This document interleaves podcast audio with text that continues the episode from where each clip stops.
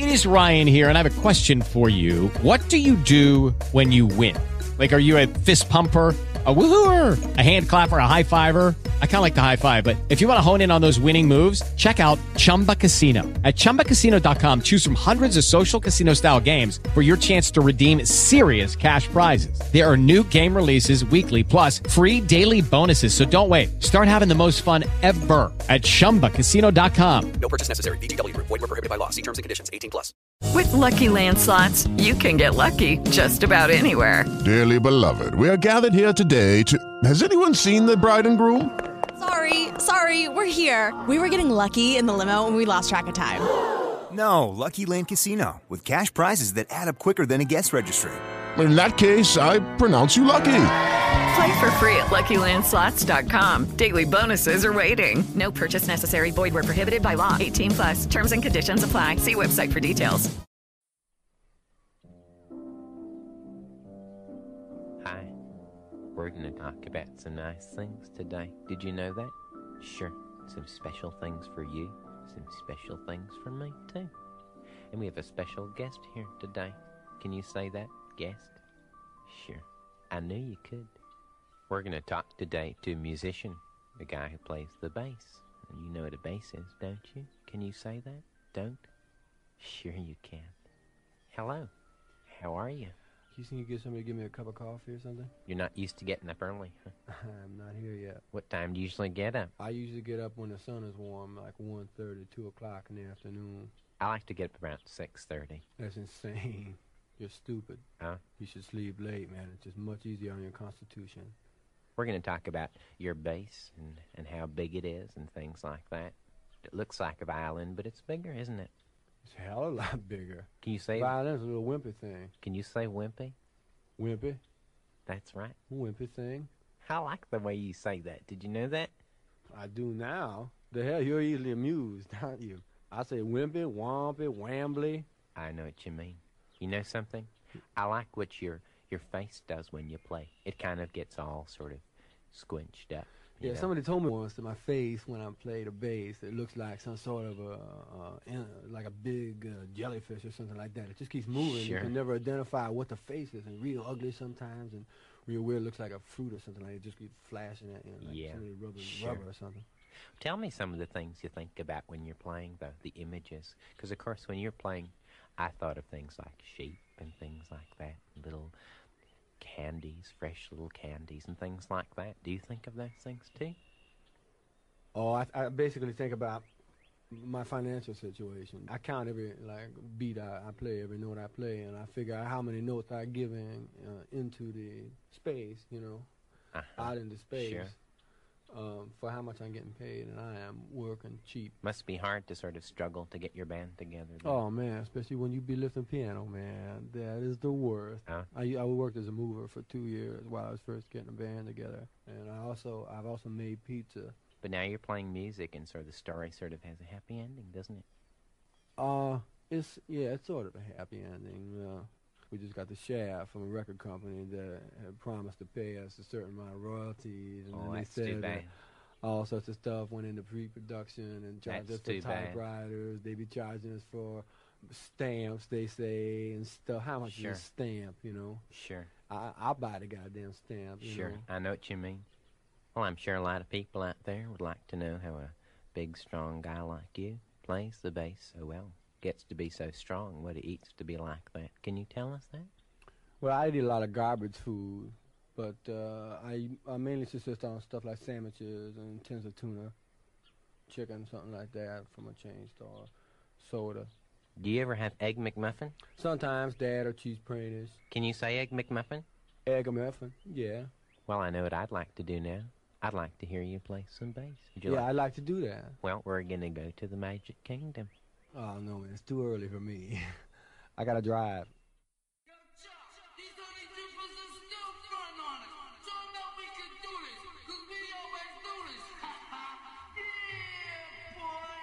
And welcome to a rather damp Swansea for round two of It's a Knockout 75!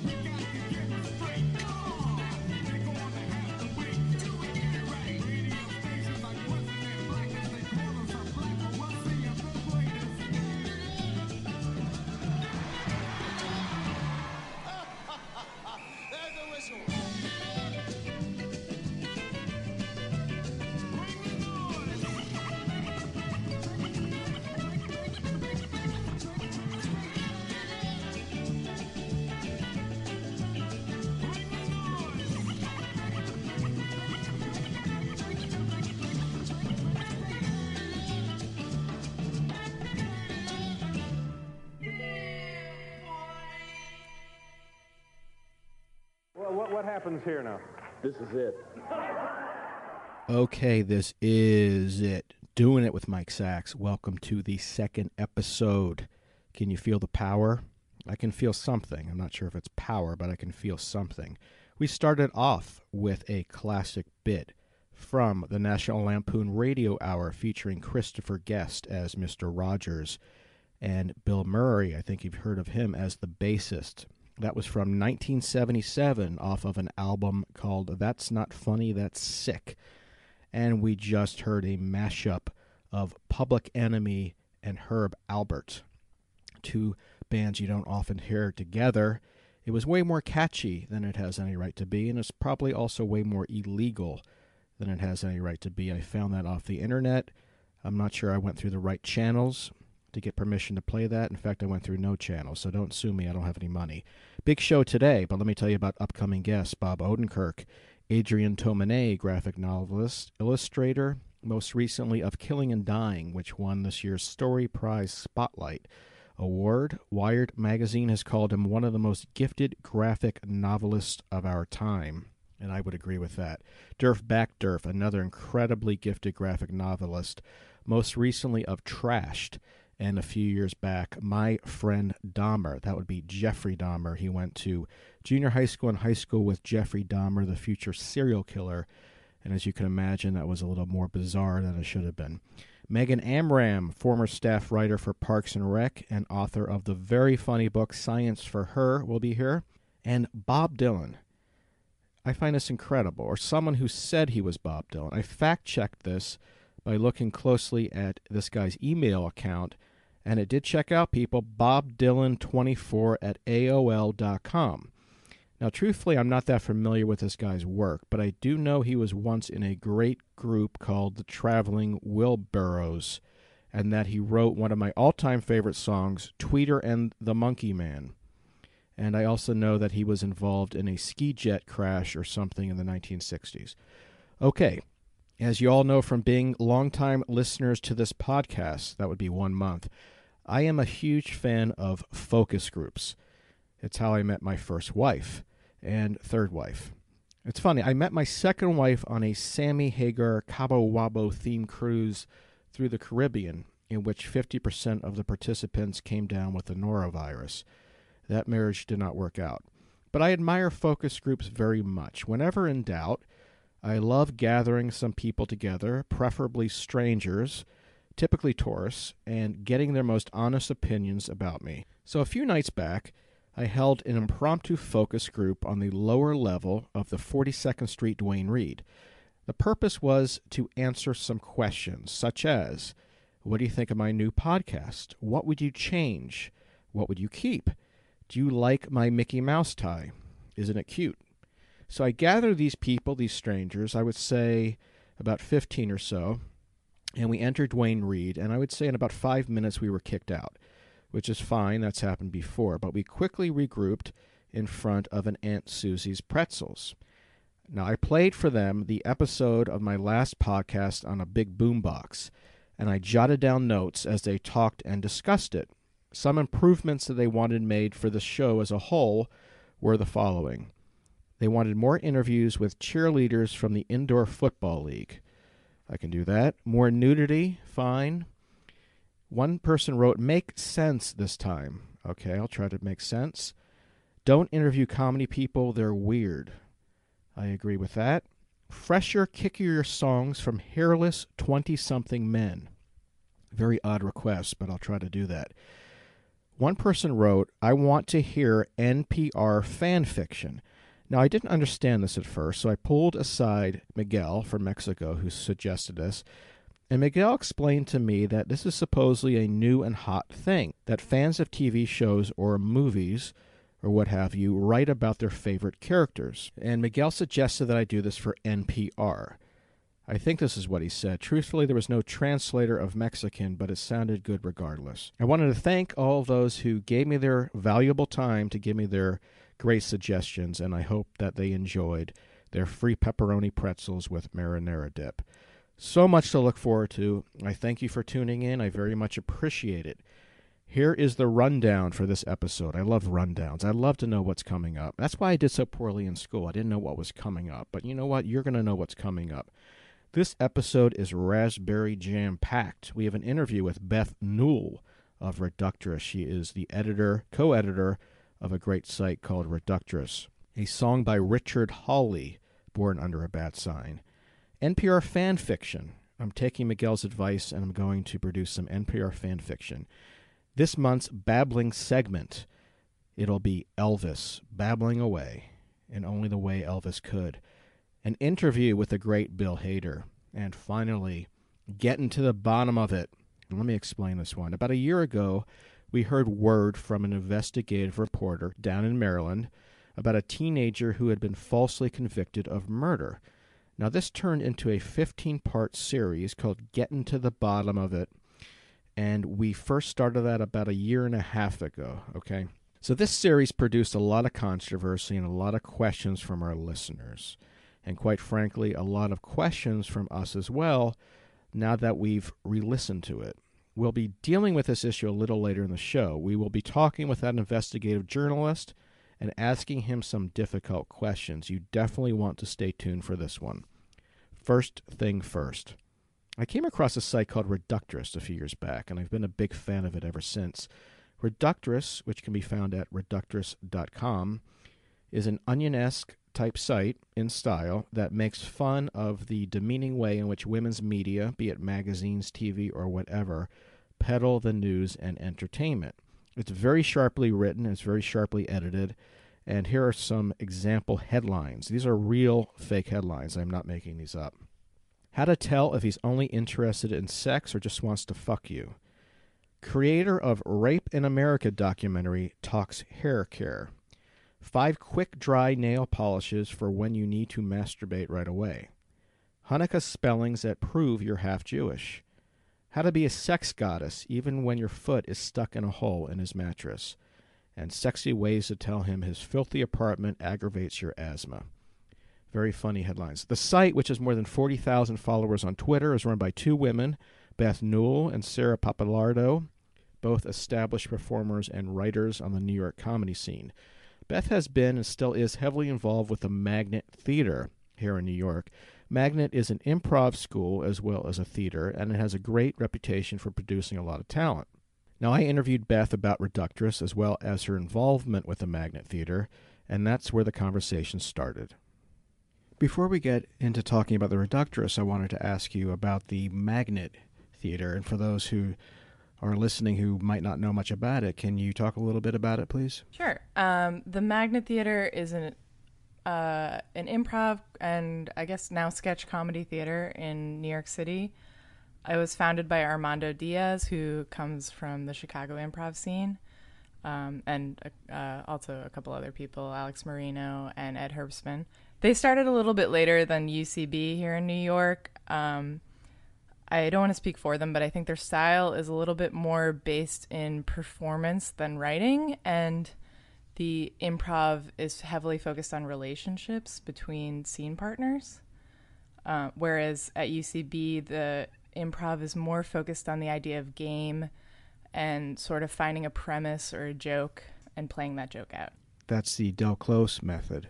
I, I think what you could argue there's a variety of Del Close methods. From what I've heard, he was into different things at different times in his life, and depending on when someone studied with him, they got a very different experience. So Armando Diaz and Matt Besser are both products of, well, I guess all the UCB4 and um, Armando are all products of the Chicago scene around the time of Del Close, and I think they all studied with Del Close, if I'm correct. What did Armando bring to it that Del Close hadn't?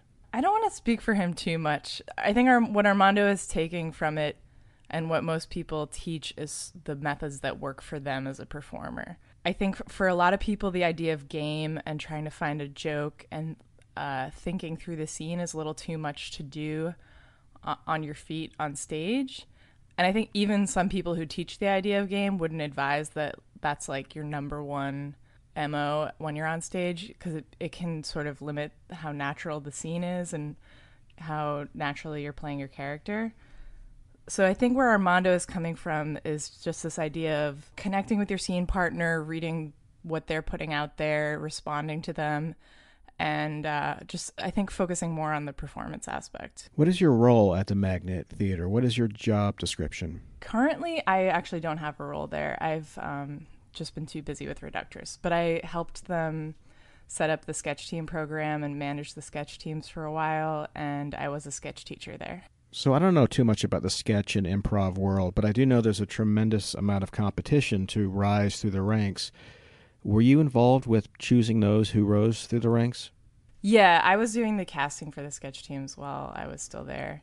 I sort of helped them start the teams. They had sort of a fledgling sketch program that I was a part of, and then we created the team system as it currently is. So, sort of the beginning of that program. Was it like minor league baseball in that you would rise through the ranks? You would go through the A, then double A, then triple A, and then up to the majors?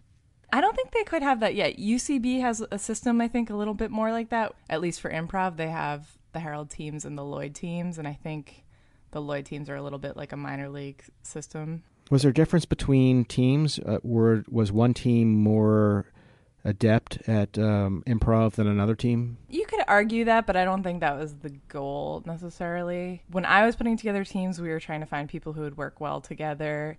You know, have a newer team that might be a little bit more green and uh, you might not know what to expect from them exactly. If you saw someone, what was the difference between someone who knew what they were doing and someone who didn't know what they were doing, who was more green? I think a lot of people are coming to it either more heavily as a performer or more heavily as a writer. And our teams were not div- divided based on whether you were one or the other. So I think a lot of strong writers might come in and just have almost no performance experience.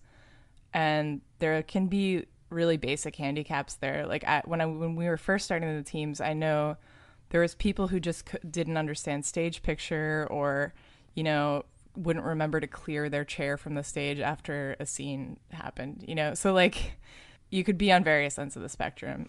And then, you know, there could be people who are really strong performers that just sort of were very new to the writing aspect of it. From what I've heard, for those who have been involved with sketch and improv, doing that, doing sketch and improv, is a tremendous help to you as a writer. Yeah, I would agree. It definitely helps you get over the whole writer's block thing. I think just knowing that system where you just are forced to sort of get it out there. And I think also like finding character voice is a lot easier if you have improv experience because you can sort of talk it out loud instead of just staring at the computer screen. A thing I see a lot uh, with people who are strong writers but not necessarily well versed in improv or performance is they will write a really funny line that might work in print, like on something like The Onion, but then when you speak it out loud, it just sounds really unnatural you know? So you have to write differently when words are coming out of people's mouths. So you sort of learn how to write for those who are performing rather than those who are just reading silently. I think it depends on the person writing and the performer because i do think a lot of performers work their material out on stage especially stand-ups but I, i've seen that more with people who lean towards the performance end where i think for a writer it's easier to rework that joke sitting alone in a room, and a performer might need to work it out on stage to really feel it out. I don't really know too much about the magnet, but it has a very good reputation for women writers, young women writers.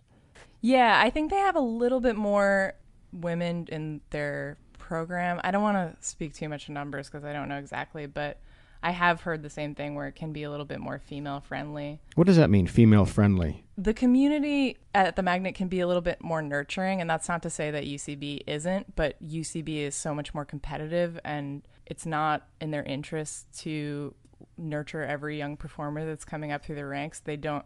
I would argue in their defense that they just don't necessarily have time. They have so many people to deal with. And the Magnet is a smaller community that's getting bigger and I think they sort of formed as an offshoot of UCB to create a different environment. How would you describe the voice of the Reductress? The voice of the site is skewering women's media, so it's a satire on women's magazines and women's websites. It's sort of embodying the patronizing tone of women's media, the tone that sort of makes women feel inadequate and sort of preys on those insecurities in order to sell products or get page views Was there a consensus among you and the other female writers at the Magnet that something like this was needed? Yeah, we we sort of had the same thought when I talked to Sarah about it. We were like, "Does this already exist?" And we were kind of surprised that it wasn't out there. But I think for me, the idea sort of sprung out of not only wanting to write more, but I had been putting together these workshops at the Magnet to get more women involved in the sketch program because even though, as I said, the community there can be a little bit more uh, women friendly, the sketch program was like heavily male dominated, and I think writing is one of those things that requires more confidence. It's so easy to get in your head about it. And I, I think a lot of women were in the community were just sort of freezing up, thinking I can't do that, which happens to men too. But I, it just felt like disproportionately women didn't have the confidence to do it. So we were putting together these workshops, me and Megan Gray, who is the artistic director at the theater, and trying to get more women to just put out a sketch show and see that they were capable of doing this. And out of those workshops, I just kept seeing these themes pop up of, you know, the way we, media speaks to women, the way women are represented in the media. So I think that's where the idea sort of started to gel for me. Where do you think the lack of confidence came from? Were there fewer female performers for young women starting off now to emulate when they were growing up?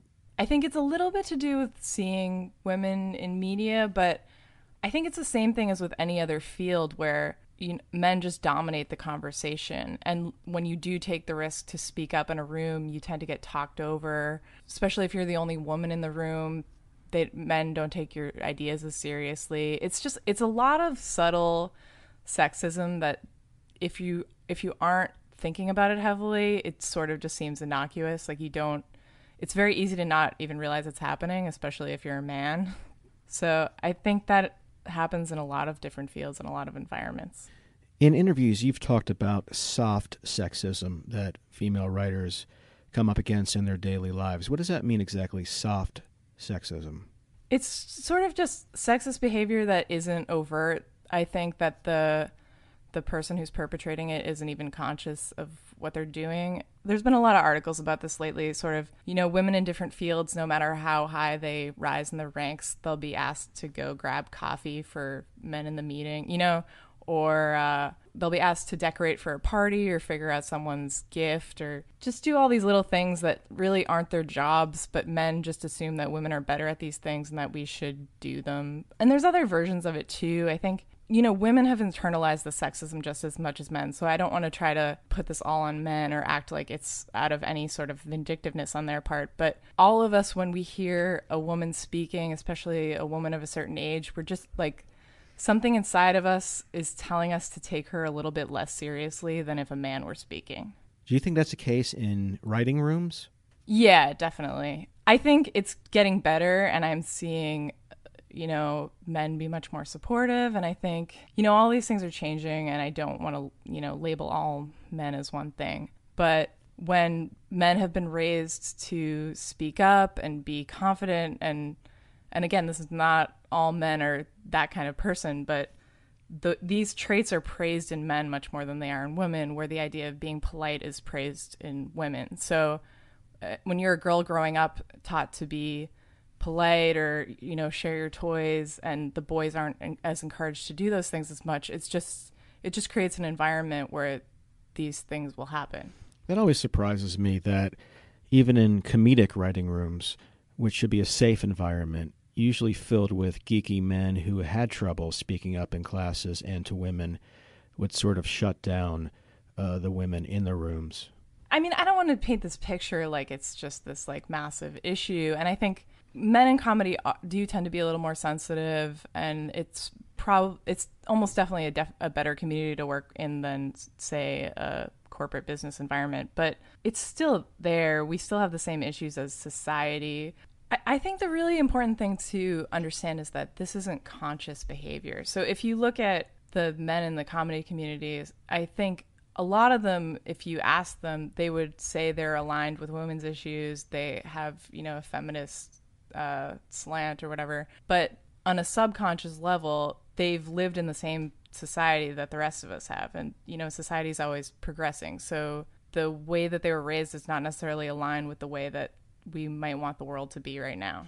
One of the things I really like about Reductress is that it focused me on the ridiculousness of women's magazines and websites. To be honest, I usually, not even usually, I never go to these sites. And once I was started reading Reductress, I did go to these sites, and the parody is not far off from the reality. That's the thing I'm noticing too with other men in the community is like now that a lot of this stuff is more in the dialogue, they're like, of course they're in agreement with these things being an issue. It's just, you know, a level of ignorance that they're not entirely responsible for.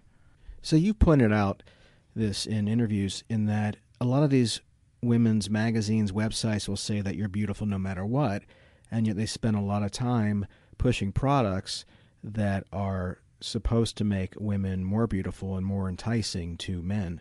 Another issue that we're sometimes trying to point out is these magazines will say those things like you're beautiful or you know it's more about feeling beautiful but the conversation is still so focused on whether or not you're beautiful and it's not focused on you know your competence in your job or career you know it still always seems to harken back to this idea of looks and appearance quite frankly i think the same thing could be said for a lot of the men's magazines a lot of people would argue that men are as much victims of sexism as women or just the, or victimized in a different way where it, these ideas of being macho and masculine are promoted that not aren't necessarily serving them either.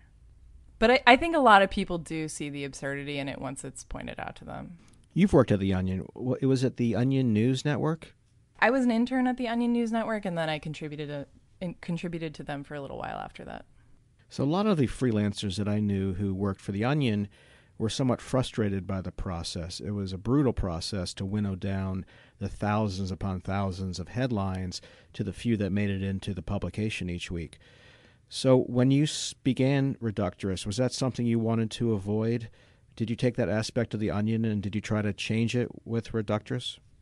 We're pretty similar to the Onion's process, um, except that they would have a regular stable of contributors and we have rotating contributors. Like anyone can pitch to us at any time. And I, as much as I might have been frustrated by the editorial process when I was there, as it didn't, as it didn't necessarily take many of my jokes, I definitely appreciate it as an editor. It's just a great way to keep the quality up. So, if you're a young listener out there who wants to submit to the Reductress, what is the easiest way to go about doing that? You can email intern at reductress.com and they will give you all the information on how to pitch us ideas contributors pitch at least 10 pitches at a time, which is similar to the Onion's process.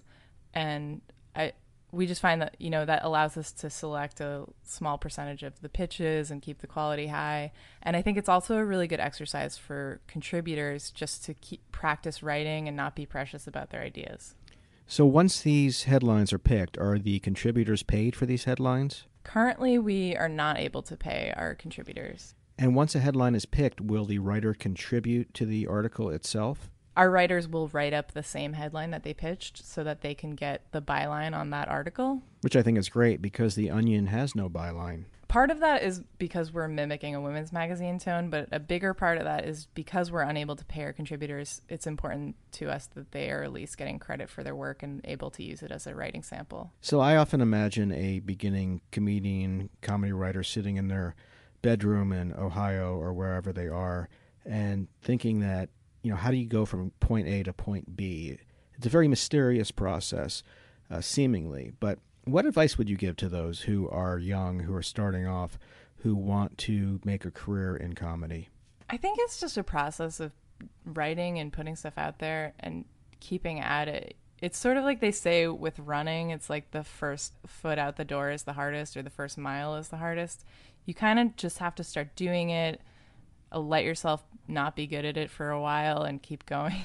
and I think, you know, there's places you can try to submit to online. The, I think the more you write, the more you'll find avenues to do that. But no matter where you are, I think at this stage, there's ways to get your stuff out there. Well, it's a great site, and I, I really enjoy going there. And I think you're doing great work, so keep it up. Thank you so much. Well, thank you very much, and I'll talk to you down the road.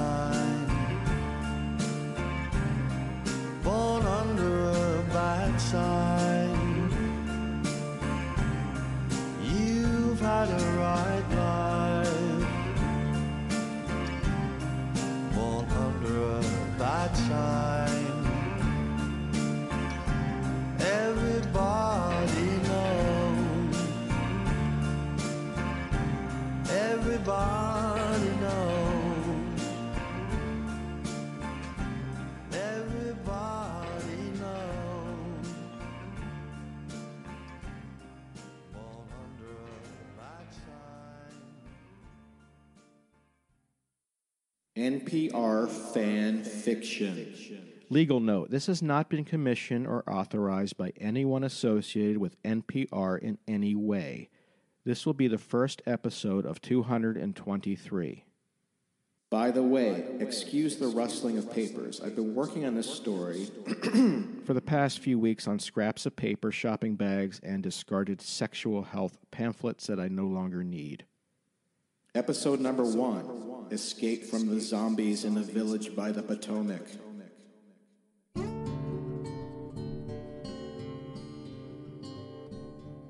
Terry Gross was not having a good day. She had failed to find any food beyond the safe zone perimeter.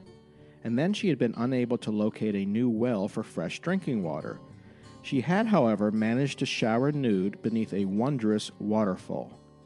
She had also pleasured herself as birds and other wood creatures watched amazed. One raccoon even let out a loud shrieking noise to coincide with Terry's beautiful completion.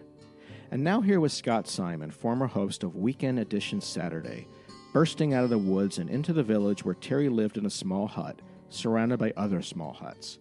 Scott looked disheveled and confused. Zombies? asked Terry nonchalantly. What else? answered Scott tiredly, taking a seat on the muddy ground.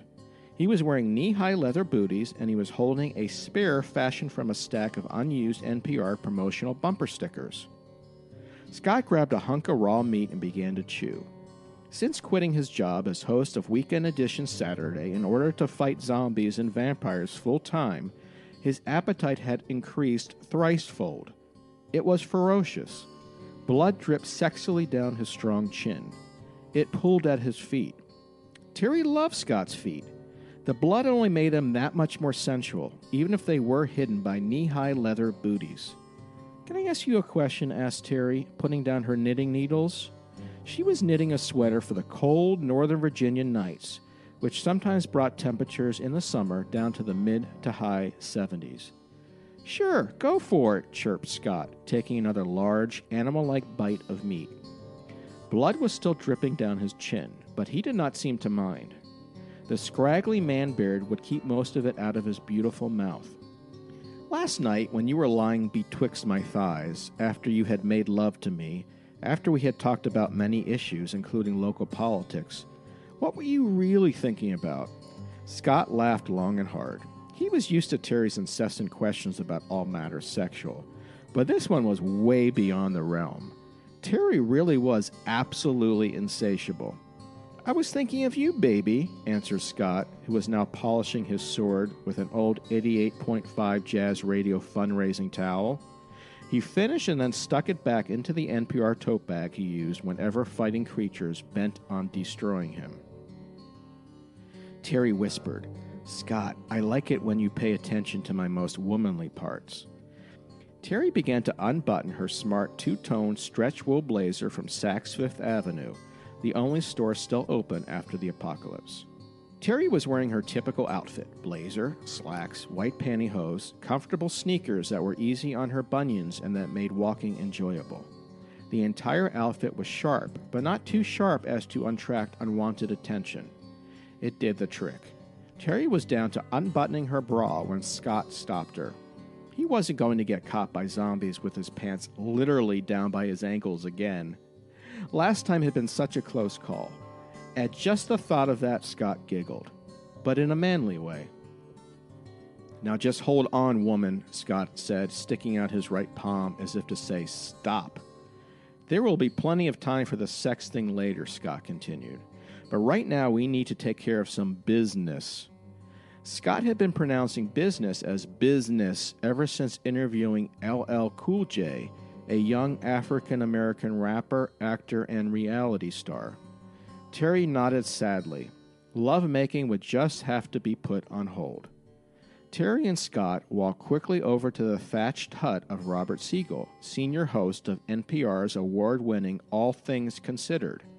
Siegel had recently been badly hurt by a flying dragon named Stardust, and unfortunately was now missing an arm. Also, he was nude. Knock, knock, announced Terry and Scott after they both arrived at Siegel's hut. They giggled. They had said knock, knock at the exact same time. Come on in, screamed Robert. He was lying on a straw mat with broken bifocals perched on his handsome nose. Nice package, exclaimed Terry. Cash on delivery, said Scott. Everyone giggled. It was fun to make each other laugh. Meanwhile, Scott stroked his erect ziz, which meant penis in Navajo, a language he had heard about on A Way with Words, public radio's lively show. What are you reading? asked Terry inquisitively. New collection of John Updike poetry, Robert replied happily, extending a greeting with his one remaining arm. He continued to stroke his hard ziz. Updike's poetry is absolutely terrific, opined Terry, but I did not know that he had any poems left. There's always poems left, quipped Scott. All three laughed long and hard. When they were finished, they heard a piercing scream emanating from just beyond the perimeter of the village's safe zone. That sounds like Diane Rehm, shouted Scott, holding up his shield made from recycled issues of Congressional Quarterly. Diane screamed again. It was haunting. In a former life that now seems so long ago, Diane Rehm was host of the esteemed Diane Rehm Show out of Washington, D.C. In this world, however, Diane was a werewolf fighter, among the best that this new country had to offer. She was also a magical fairy who lived in the woods and performed enchanted spells that put to sleep anyone within hearing distance. She had that way about her. Terry Scott and Robert Siegel ran from out of the hut to see what was going on. Robert was still wearing his bifocals and clutching his impressive chogi, which also meant penis in Navajo. He was hopping. You see, he had one leg. The flying dragon Stardust had also taken care of that. Diane, screamed Scott, are you okay? I've been bitten, screamed back Diane from the woods. I've been bitten by a zombie. Just then, a zombie came rushing from out of the woods. He looked terrible and smelled even worse, most likely because he was no longer alive. He was wearing pleated khakis and a blue Oxford work shirt. He was E.J. Dionne, NPR political commentator. Next to him stood another zombie. It was Peter Sagal, host of Wait, Wait, Don't Tell Me. Or at least he used to be. Now he was a zombie. Terry, Scott, and Robert stood before the approaching zombies. Well, they thought, this isn't as bad as the last zombie invasion made up of former Republicans bent on destroying NPR once and for all. Suddenly, Terry removed her blazer from Saks Fifth Avenue and then her t shirt, which read, Even zombies can't stop me from reading. This was one fight she had to perform topless. As the sun set against Terry's glorious pair of breasts, nipples erect, pointing north, the wind began to howl, and so did the zombies. Diane Rehm also howled. She had earlier undressed in the woods, just like Terry enjoyed doing. Although she could not be seen, Diane's breasts were also glorious, but her nipples pointed south. No one knew why. It was a mystery. The sun began to set, and to be continued.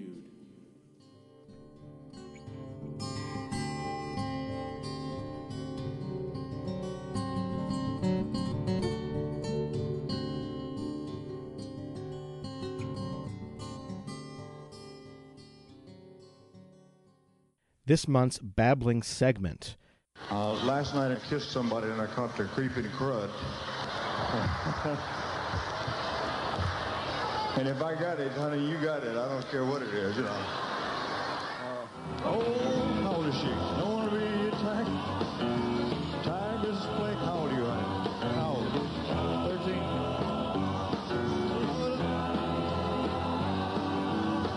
What am I singing?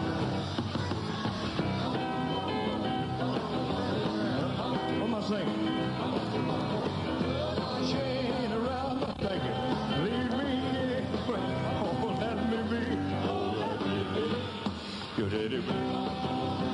Oh, let me be. Oh, let me be. Bear. Man, you better hurry up. My brain's getting weaker every minute. J2WB 3257, take 14.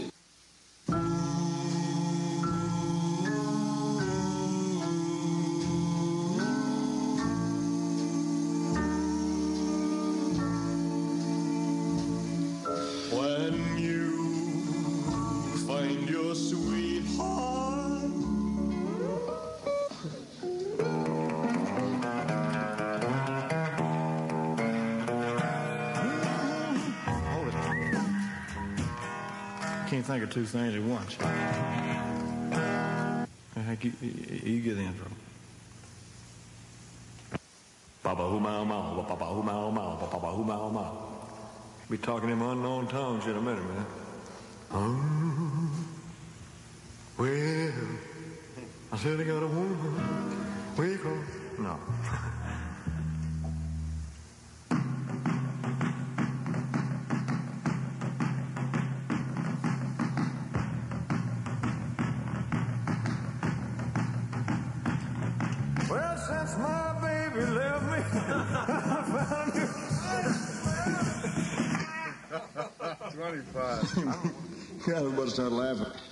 BOV, take six.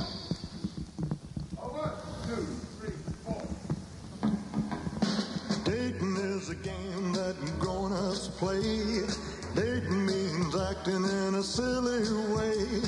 Dating makes a gal start wiggle walking. This like a baby. this is like a guy.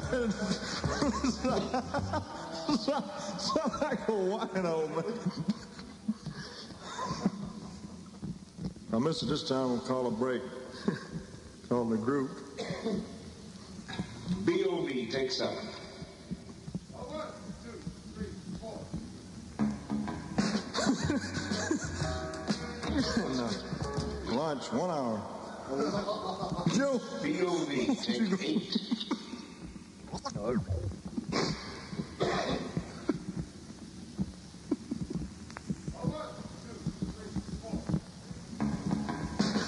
Dating is a game that grown-ups play.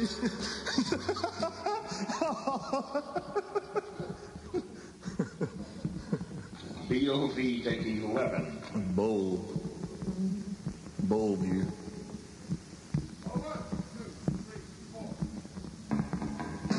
Dating is a game that grown-ups play. Dating means acting in a silly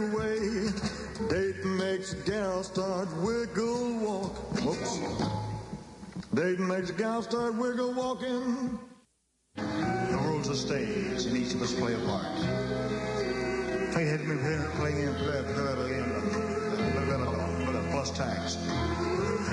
You read your lines so cleverly. I never missed a cue. They came back too. You forgot the words, seemed to change, you fool. You acted strange,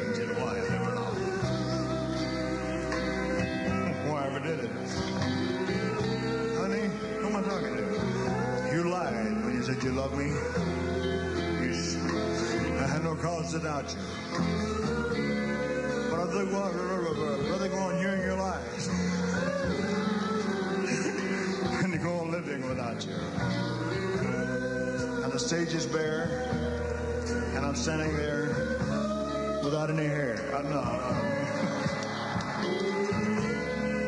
And you won't come back to me. Ladies and gentlemen, Elvis has left the building.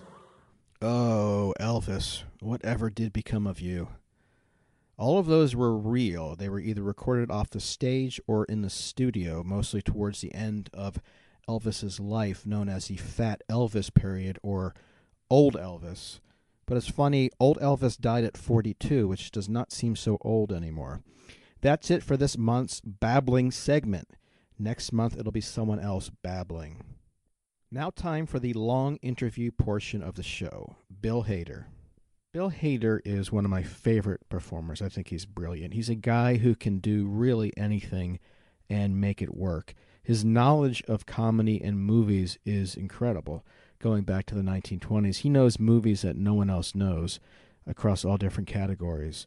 He's also a great guy. He's a very decent guy, and that comes through in his humor. Now, I was lucky enough to get Bill to talk with me by phone, and we spoke for about an hour about various subjects such as comedy movies and other things. Now, we started off talking about character actors and what makes certain actors pop off the screen, even if they're only on the screen for a short amount of time.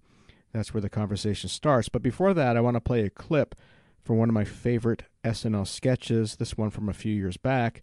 And it's a sketch that actually never made it to air. It was cut for time. It's called Gossipy Coal Miner. Y'all hear about Teddy? Heard he had quit his job yesterday. Yep, he's already got the black lung. He ain't even 35. Mm-mm-mm. Hey, what was that, LeVar?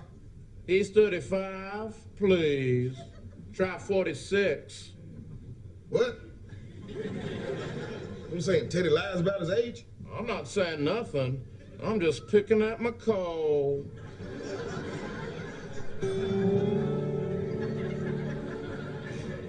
And now it's time for another episode of The Gossipy Coal All right, well, let's just get back to work so the foreman isn't breathing up our asses. Yep, Joe has been in one hell of a bad mood. Mm-mm. You would be too if you had his interesting problem. Wink, wink. What are you talking about, LeVar? Let's just say he has a floppy jalopy. Huh? He's trying to open a Capri Sun with an earthworm. What does that even mean? He's serving boneless pork to his wife. What are you getting at, LeVar? I ain't getting at nothing except for my baby carrots. There are certain actors that just pop. It doesn't even matter how long they're in the scene. I mean, I was rewatching Shawshank Redemption, and the real killer, he was only on for like a minute. He's a phenomenal. Yeah, the guy when he's yeah he's sitting by the window and he's just like giggling and Yeah. stuff. Yeah, yeah, that guy was the crazy teeth and yeah. Well, isn't it weird? It's so weird. You could sit and work a whole show and work a whole movie and people go, "You were in that," you know. and then you come in for a day and you know, and they say, you know, we're just going to cover this in one shot. It's just a quick cutaway, but you got you know page full of dialogue and you know, like that guy in Shawshank, and you never forget him, you know. Or I mean, there's so many parts like that, you know, where the director is is is uh is you know if it works for the story and the director is cool, they'll let you have that space, you know. Can you tell while you're shooting it? I mean, is this something that, that pops live, or is it just off the screen that you couldn't tell at the time? No, I have no idea. Uh, in my experience, I have no idea. I mean, I, I, I do find that when you think about it too much, it, it sullies it. You know, I think it's kind of nice to have almost a. Um, I remember Danny McBride. I remember I, my, my first season of SNL. Did my first season of SNL, and then we shot this movie Hot Rod in Vancouver, shooting Hot Rod. And I was just kind of lamenting to him, oh God, I got to go back to SNL. I'm so nervous, and I just don't feel like I'm really making it on the show. You know, the Bill Murray thing. Like I'm just not. I just don't feel like this. I just am not comfortable. And uh, Danny just being like, you just have to not care. Because once you get to that place where you just don't care, and it is, you know, and I just this is gonna sound so pretentious, but I'm reading like um, Chekhov short stories, and they had a line in it that was like the unconcerned mind is the only one that can like have clarity and creativity, you know. And I feel like that's very true, you know. As uh, yeah, you can't be freaking out and all tight, you know. It just doesn't work. Especially with comedy. I mean, I was thinking about that. There's a reason why babies and animals are funny. They're not self-aware. They're not self-aware. It's also the reason why um, I'll go, God, why is that person so cool and just and just doesn't care? And then I go, oh, they're on drugs. You know what I mean? Like they're they're high all the time, or they're drunk, or you know. what I mean? it's like and so. Uh, and then you know there are people who aren't on drugs, but I'm always uh, yeah, y- y- you know, or I find that the, the the other side of it is are people who are incredibly um, just disciplined, Yeah. you know, and uh, their discipline allows them to relax for some reason. So it takes a long time to learn to discipline yourself to learn how to relax as an actor. Yeah, yeah. I mean, it is a thing where you just. I, I my feeling. I've learned a couple of things, which is I try to become friends with everybody on the crew. Now, I also want to say I'm awful with names, and uh, so it doesn't. That doesn't mean I know their names. a woman was giving me the very last SNL episode of Stefon, and the woman miking me when you know people are around crying and stage manager Jenna is crying and being like, "Well, this is the last thing I'm ever to do on the show. I've been here eight years." And the woman miking me said, "It's nice working with you, Bill." And I said, "Thanks." And she went, "What's my name?" and I looked at her and I went, "I go, I don't know, but you're wonderful." And I feel like a giant dickhead for that, but I can't. And my wife is so good at names, and just I, I just feel her uh, judging me when I run into someone that we know, and I go, "Hey, buddy, how's it going, man?" And she just goes, "Ugh." And anyway, what I was going to say was I'd like to become friends with everybody on the crew, or friendly and feel comfortable. So when you're working, you're surrounded by just friends or just a good energy. Also, it's just nice. I just don't understand people who just tension. You can't work well with a lot of tension.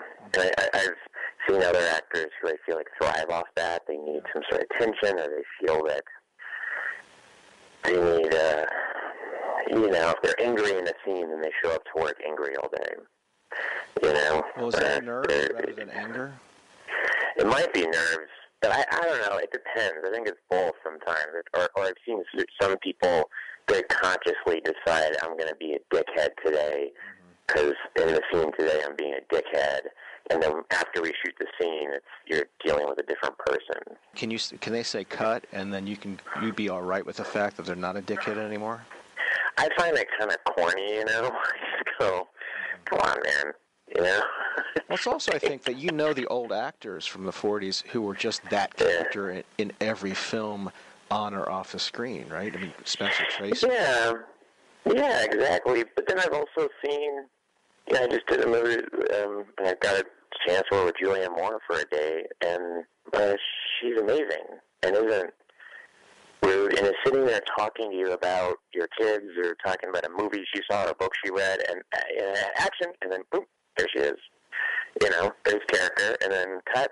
Anyway, yeah, I saw this. You know, you're just kind of like, wow.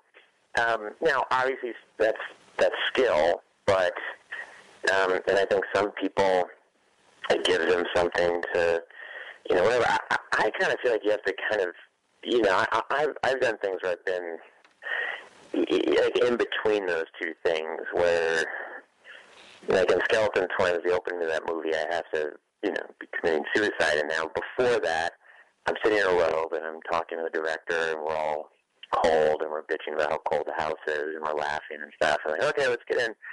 And then, you know, from the walk from that to the bathtub, you just kind of start putting yourself into a state of mind. You know what I mean? And then you lay down and uh, you know get in the, the water, and then you just have to just start. You start working, kind of. You know. So it's like it's there. It's next to you, and you're very aware. I wake up in the morning and I go, "Oh, I'm shooting my suicide attempt this morning." You know, it's it's always in the back of your head, and so it's like you just want to have it close by so you can access it. But I don't know if I would show up to work and be rude to people or off-putting to people because I had to. I see that that. in all areas of creativity. I see that with a lot of writers who are working on a piece and are so overwhelmed by the piece that they're just dicks and full-time dicks. And I don't even think it has to do with creativity. I just think it has to do with so, you know either not being nice or not remembering what it was like to work a retail job and to mm-hmm. know retail job is and to know that that this this could be it for the rest of your life. I mean, I'm so appreciative of every minute that I'm doing this. Oh yeah, you, well you do it. It's something you do for free. You're getting paid for. You know, it's it's unreal. You know, and I, and we, you know, did work those shitty jobs and did all you know the stuff for free. you know, I think there's just a part of my brain that just goes like, you know, well, acting is, you know, it's my job and it's so much fun and I'm so appreciative, but I treat it like you know any other job I've I've had, you know, and it's and you know, I, I on Top Tropic Thunder, Justin Theroux was saying to me, "Dude, pace yourself during rehearsals. You know, you're gonna blow your voice out." And there's a scene in the movie so my voice is completely blown out because I would just go 100 percent. I just didn't. I don't know. I never had that training, you know, or I didn't know. I was just learning on the job, kind of. Hey, man, you know, you gotta take your time, save your energy, do this, but you're so kind of pumped up and excited, and you know, because when you get hired for a movie, it's months of waiting and do the wardrobe fitting, you do a table read, you do a little bit of rehearsals or something, and then when you're on set, it's just this adrenaline rush of like, we're here, we're doing it, you know, mm-hmm. and it's exciting and so much fun. You got to pace yourself. We're going to be here all day. You can't be screaming. And we're shooting the scene all day, and you can't be screaming all day. You know. So, but everything you come to, you come to it instinctively. It's funny that you say that. My wife is here. She would start laughing because I do overthink things a lot. I've gotten better at kind of going, no, no, that's that's the decision, you know, and we're sticking to it. I'm, I'm, I'm train wreck telling Judd I can't be doing like a lot of voices or, you know what I mean. Judd likes to try things. Know, he likes a lot of options, and he and he really likes to try to explore while you're there. And it's a beautiful luxury to be able to do that. So he would say, "What if he's a little bit more, you know, kind of like a robot? Like he's never been around a woman before, you know?" and I would try to do that, and then it was like, "You know what? No, I I think this is it. You know, I, I my brain just kind of goes, "This is a guy," and then it's uh, my anxiety is more about, the, okay, now I've made the decision, and then you know I fret over it in the middle of the night. Was that the right decision? Shit. Okay, well, fuck. We just shot for two days. This is the guy. Ugh. You know what I mean? Yeah, Um, but I think comedy should be instinctive, right? I mean, how much can you teach someone, and if it feels right, you know, it's like Paul McCartney playing a melody or something. You just kind of know. and it kind of seeps into you somehow. And kind of the same way in, in comedy. You know, before I was on SNL, I was in a sketch group, and I mean, we were essentially just doing Monty Python. You know what I mean? I mean, it was just we were just doing Python, and we made little short films that were very much like the Python films, where they all led into each other. Um, and so, you know, it's you, you you just are inspired by that thing, and then getting on SNL, and you know, I remember I got to SNL wanting to, you know, I'm not going to do a talk show. I'm not going to, you know, uh, do the things that you've seen every time on the show, and then we tried the Vinny Vedecci character and all these other kind of, you know, scenarios, and it never worked. And then Meyer just came into my office and was like, I love this character. I think you should have a talk show. Wait, wait, hear me out. you know, and and he said, here's why it works as a talk show. It's like you can deliver jokes this way. You can so you can retain the thing that you like about it. It just makes it a little bit more palatable to that audience. You have to kind of be open to those things, and then you you take the thing that people have seen a hundred times, and you kind of make it your own. But I think it's true. Everyone who's into comedy starts off, you know, either mimicking Letterman, like I used to do growing up, or mimicking John Belushi, or mimicking Stefan, or whoever it is, because it's an easy way in and it's comfortable and it feels right. And then from that point, you can, you learn chops, and then you can just take it off from there. I, I guess the thing I was saying about SNL is like you, you that that was kind of like learning that about okay the logic of it and like Vincent Price should have a TV show, you know, and he should want the TV show to work. I remember I wanted Vincent Price to be really angry and yelling at people, being kind of the character he was in those movies, you know, kind of like an evil, maniacal guy. And Lorne Michaels pulled me into his office and said, "Why would anyone ever want to go on this talk show?" And I was kind of like, "Who the fuck cares? It's a, you know, it's a, it's a sketch, like, you know." And that's when I learned about logic, you know,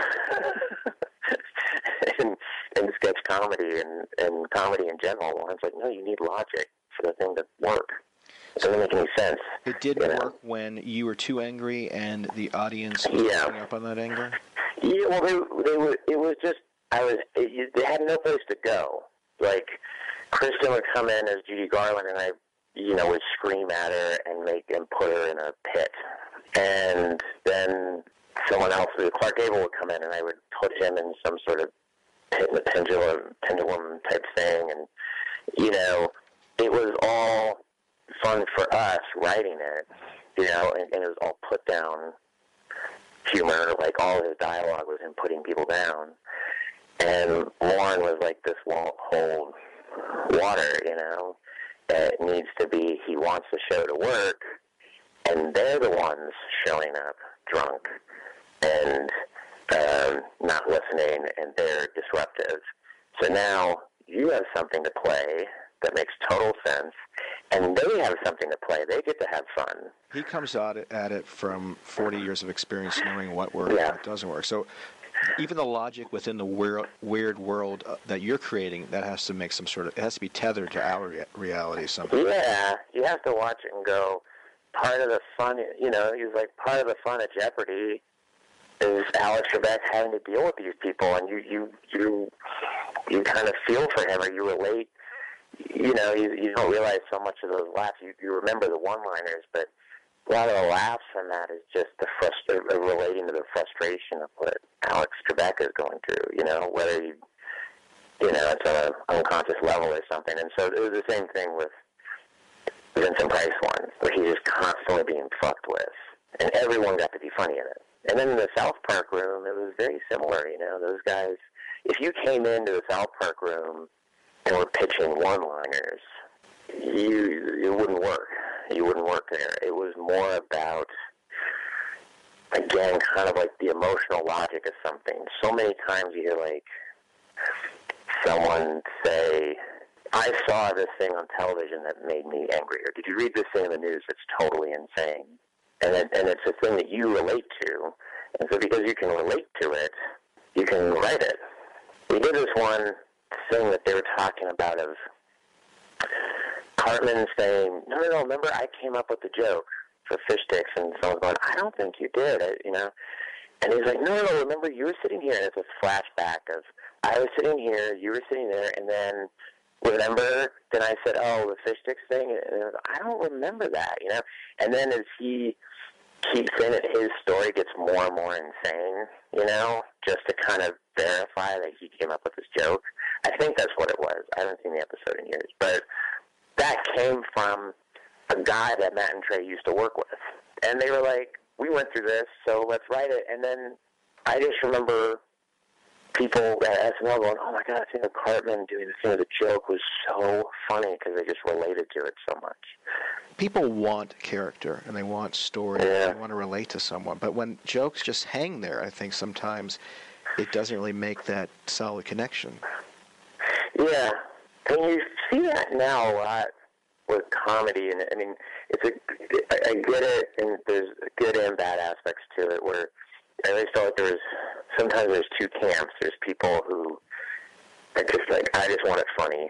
I don't give a fuck about anything. I just care. I just make it funny, please, please. I don't. I don't care about. Don't have a scene that doesn't have a co- have a comedy component to it. You know, I'll go crazy. They love airplane. They like stupid humor, and that's their thing. And then there's people who are more kind of interested in the comedy of life and having more, you know, the word grounded a lot, like just a grounded uh, world and grounded people, and and they're kind of going through their shit. But within that, you have very relatable comedy moments, you know, and and in that world, you hear a lot when you're on the set. They'll- Someone will pitch something, they'll go, "Well, that's a joke," you know. And then you have the comedy comedy people going, "No shit, it's a joke. We're making a fucking comedy." you know what I mean? Right. And and so it's it's kind of like I've seen that a lot, you know, where people butt heads. Where you go, "Oh, you're from this camp, and you guys are from that camp," and this isn't really going to work. And I, I, I like both of those things. I just it's great when you can have both of them. Uh, Well, can you give me an example where both of that works for you in a movie? Well, I mean, you watch something like Train, Transplanes and Automobiles, you know, which has really insane set pieces in it. Um, and, you know, there's a lot of people, when you say Transplanes and Automobiles, they just will remember the scene where Steve Martin tells a lady off in the airport, airport which is so funny, where he says, fuck a bunch, or, or you know, uh, those aren't pillows, obviously, or, or whatever. But then they also, but those are two real guys, you know, and it has like moments of real pathos and beautiful acting by both of them, you know. Um, you know, where, where, where uh, John Candy says, "I like me," you know, my wife likes me, you know, and it's it's it's really moving, and you know, I watch that movie now and just go, how the fuck did John Hughes pull this off? You know, that's such a hard thing to do to have moments like that. But then also have moments where, you know, they go between the two trucks when they're going the wrong way on the freeway, and they go between the two trucks, and Steve Martin turns over to, to John Candy, and he's, he's the devil. He has this vision of him as the devil, and he's laughing, you know. But then at the end of the film, you're crying, Yeah. you know, because he's like, oh, you know, you, yeah, it's a really hard tone to pull off, but it's just tone, and sometimes there's so many people now I know if you would have said, and then you know they go through the two trucks, he turns over and he's dressed as the devil and he's laughing. They go, no, now we're in another world. Now I'm in another universe. I don't know what that is. And they're like, no, no, it works because it's his vision of him. He isn't actually the devil. It's his, it's his vision of him. You know, you're in his head for a second. You know, um, ah, no, no, no, no, no. We got to keep it grounded. Keep it, you know. Um, but then if you went too far with it and did something that was totally Zucker Brothers like in that movie, um, the ending wouldn't you, that note would be true. The ending you wouldn't feel anything. 'cause you're like, well, this is insanity. Right, and it, it almost seems to have to be an undercurrent of sadness for it to work, rather than a checkerboard. You know, this scene is funny, this scene is happy, this scene is com- comedic. Yeah, yeah, it's hard. I, I, yeah, that that's a recent one that you know watch and I just really kind of marvel at it that it, how how well it works. But it seems like a lot of comedy people, um, including yourself, uh, like Chekhov and like movies such as Hal Ashby movies, Roman Polanski, Jacques Tati, which you turned me on to, which is character based and funny through situation rather than the author being funny. The characters are being funny rather than the. Yeah, yeah, I think that's a good point. Yeah, yeah, we like watching. I, I think as I get older too, I just I love watching. Like the Last Detail, I think is a really funny movie, an incredibly moving one as well. You know, it, it has that tone. You know, um, Well, that's a movie that's always mentioned. I know it's Judd Apatow's one of his favorite movies, and Bob Odenkirk's and Adam Resnick's. What is it about that movie? And you know, for me too, there's something about that movie I can't put my finger on that is just so effective and beautiful. Well, it's, it's it's really like I think there's something very infectious about um about um about Jack Nicholson in that movie. Something very infectious. You want to hang with that guy. You want to like him wanting to prolong this trip. There's something very sweet about it. Where he wants to, they take this guy to jail for doing nothing, you know. So he feels bad that they're in the military where he has to kind of turn off all emotion and stuff. So it's this very, um, uh, it's kind of very slowly nuanced thing of let's just, you know, I guess it's not that nuanced. He fully says it, but it's like let's just show this guy a good time for like a weekend. Who cares? But also they want to have a good time, you know, and they're trying to, you know, and there's something about Jack Nicholson for me when I watch it where I just want to just want to hang with that guy. You want to be in the bathroom when he beats up the, you know, you're Randy Quaid in that movie, you know, and so it has this this weird feeling of I'm having so much fun, but this is all on the road to um, prison. Cause like, there's, there's, so there's, like you said, the undercurrent, the undercurrent of sadness, and so it's that scene uh, in the um, hotel room. There's just the time cuts of them getting drunk, and then he leaves, and he gets more beer, and and just you know, it's like Hal Ashby just wants you to hang in a room with these guys, and it's great. It's so much fun. It's so great. And then they start doing the semaphore thing, and they're having a great time. And then Jack Nicholson just gets fucking angry, you know, and he's like, "I'm taking you to jail, motherfucker." What's going on? And the tone shifts just out of nowhere. You know, he wants him to get mad. He wants him to beat somebody up. He wants him to get fucking furious. You know, and I think, you know, uh, and it reflects on that character, Jack Nicholson's character, but it, he's so unbelievable in that movie, and it's such a great character that you, of, you get worked up. Jacques Tati, you turned me on to him. Playtime, one of the most beautiful movies I've ever seen. What is it about this? It's a very slow-moving movie. Yeah, yeah. How does this affect? How does his work affect you specifically? What makes it? Um, I, I guess there was always just a feeling that you could still have what's I would consider a comedy. It is a comedy, and almost, you know, Jacques Tati is a, a French Charlie Chaplin. You know, he's a, a silent character.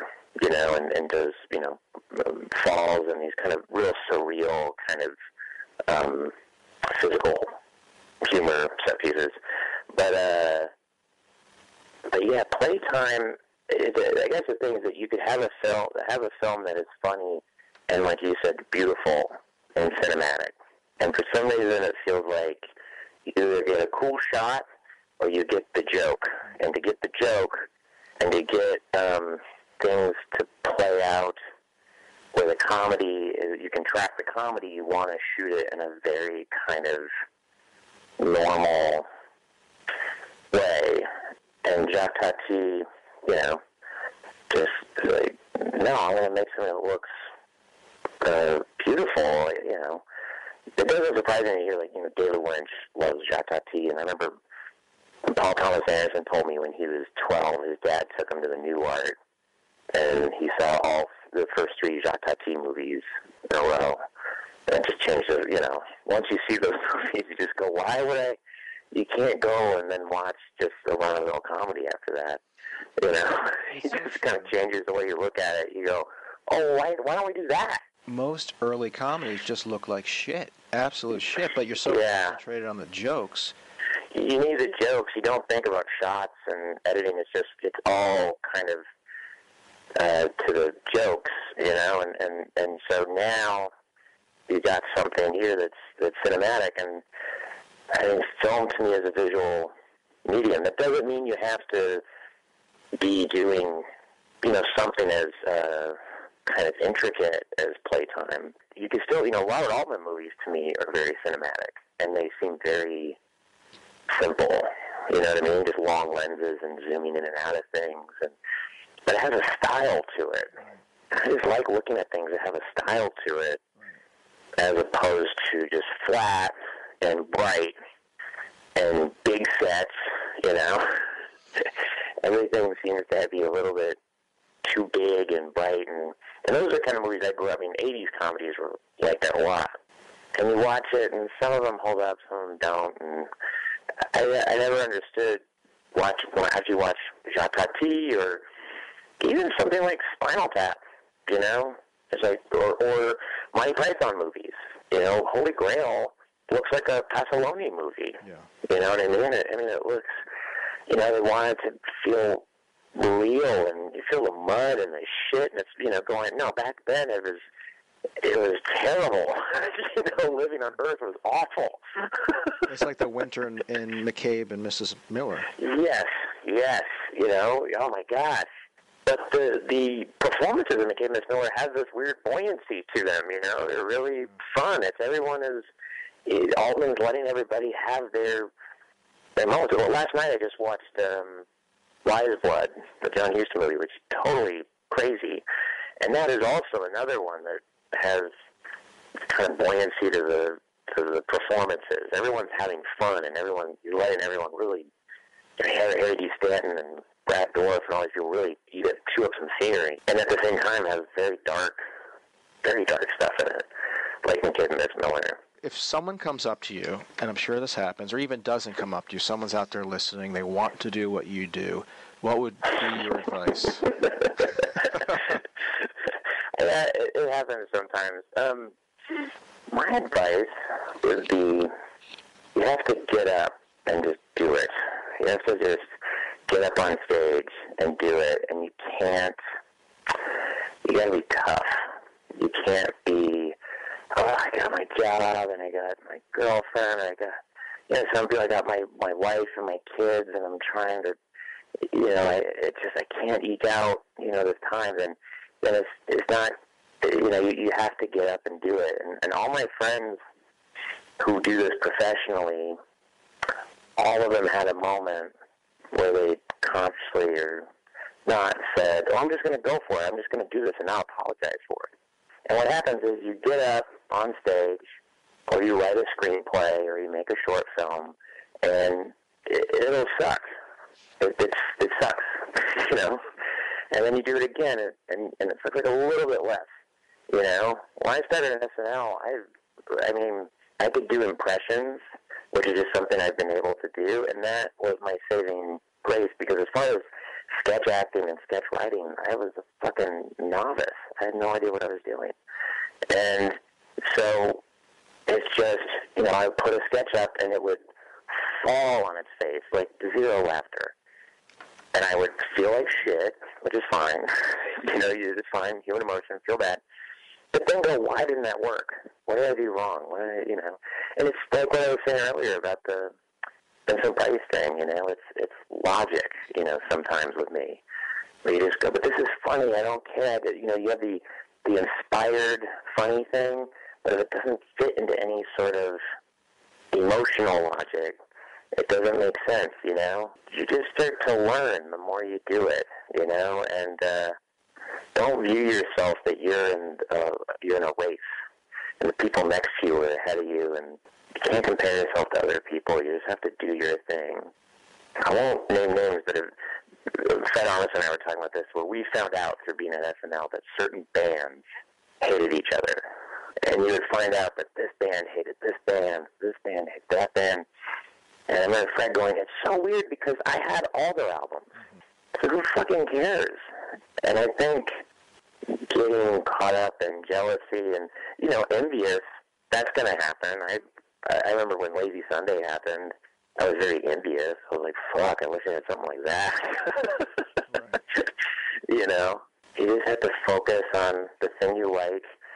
And if you gotta, you know, you're gonna copy someone else for a little bit, or you know, that's fine as long as you're doing it. And then just put yourself into it. You know, and that doesn't mean it has to be from your life. You know, I mean, the Blue Jean Committee, that whole episode, on almost a subconscious level, was all of us kind of you know, talking about in terms of, you know, why do you do this? You know, friends of ours, people we knew who do it, and they're more like Clark, my character, who are just like, let's make some fucking money. you know what I mean? Mm-hmm. And and then there's people like Gene, Fred's character, who are all about the art. You know, and it's always sad when you see the guy who's all about the art get kind of run over by the guy who's all about the money. If you're creatively fulfilled, though, like that character was, there's something to be said for that. Yeah, there's something very moving about him playing at that bar at the end, where he's like, "Hey, this is my. I come in here, I get to play my songs, and got friends, and and Clark has a big house, but he's he's alone. You know, he's got the ocean. He has the whole dream, but he's just alone. But that came from us seeing that, or us, you know, even on some unconscious level, or maybe I just speak for myself sometimes, feeling like, oh, you got to do this and make some fucking cash. You know what I mean? And and and you go, but it's it's not what I'm into. You know, and and you know wh- which way to go, and, and not having like an answer. You know, just it's a feeling you have. You know, I just God, I feel this way, um, so I can write about it. You know. Well, that's what makes it so difficult. You're not getting a graduate degree where you need this course, this course, this course. You're totally off the path. Yeah. And you have to win your way through it yourself, which can make it exciting, but it can also make it very scary and, and potentially Yeah. frightening. Uh, uh, Yeah, no, it's totally fright. No, it's totally frightening, and you just don't. And I mean, another thing I would say to someone is keep keep yourself open to things. I mean, when I came to LA, all I wanted to be was a filmmaker. And I said, I'm a writer and a filmmaker. I would never, you know, but I wouldn't say it out loud because I was just too shy about it. I, I harbored these things. Well, the whole reason you're out here is to make stuff, and I wasn't making stuff because I was working so much. But then it, was almost like, well, my friend's taking a class at Second City LA.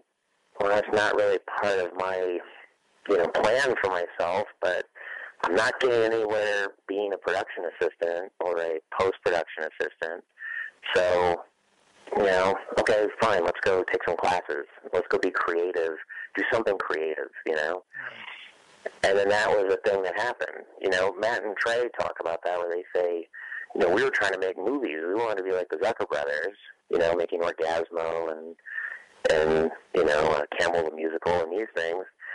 And then it was like, the, you know, this guy wanted a Christmas card, and we went, oh yeah, we'll just do this little animation thing, you know, and that becomes South Park. So y- y- as as long as you're making stuff, the thing that hits is never the thing that you think is going to hit. the thing that hits is like that's the one they liked. You know what I mean? Uh, Stefon was that way. I was like, that's the thing that everyone. You know what I mean? It was a shock to me that people connected to that that character. Really? Why, Um, why is that? You didn't. Um, I mean, did, did it start off in a different form? Yeah, it was a sketch first.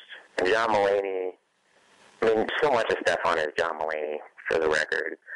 The sketch was this really long walk to get to the premise. So the sketch was about, it was two brothers, me and Ben Affleck were, were, were um, writers, and we wrote kids' movies.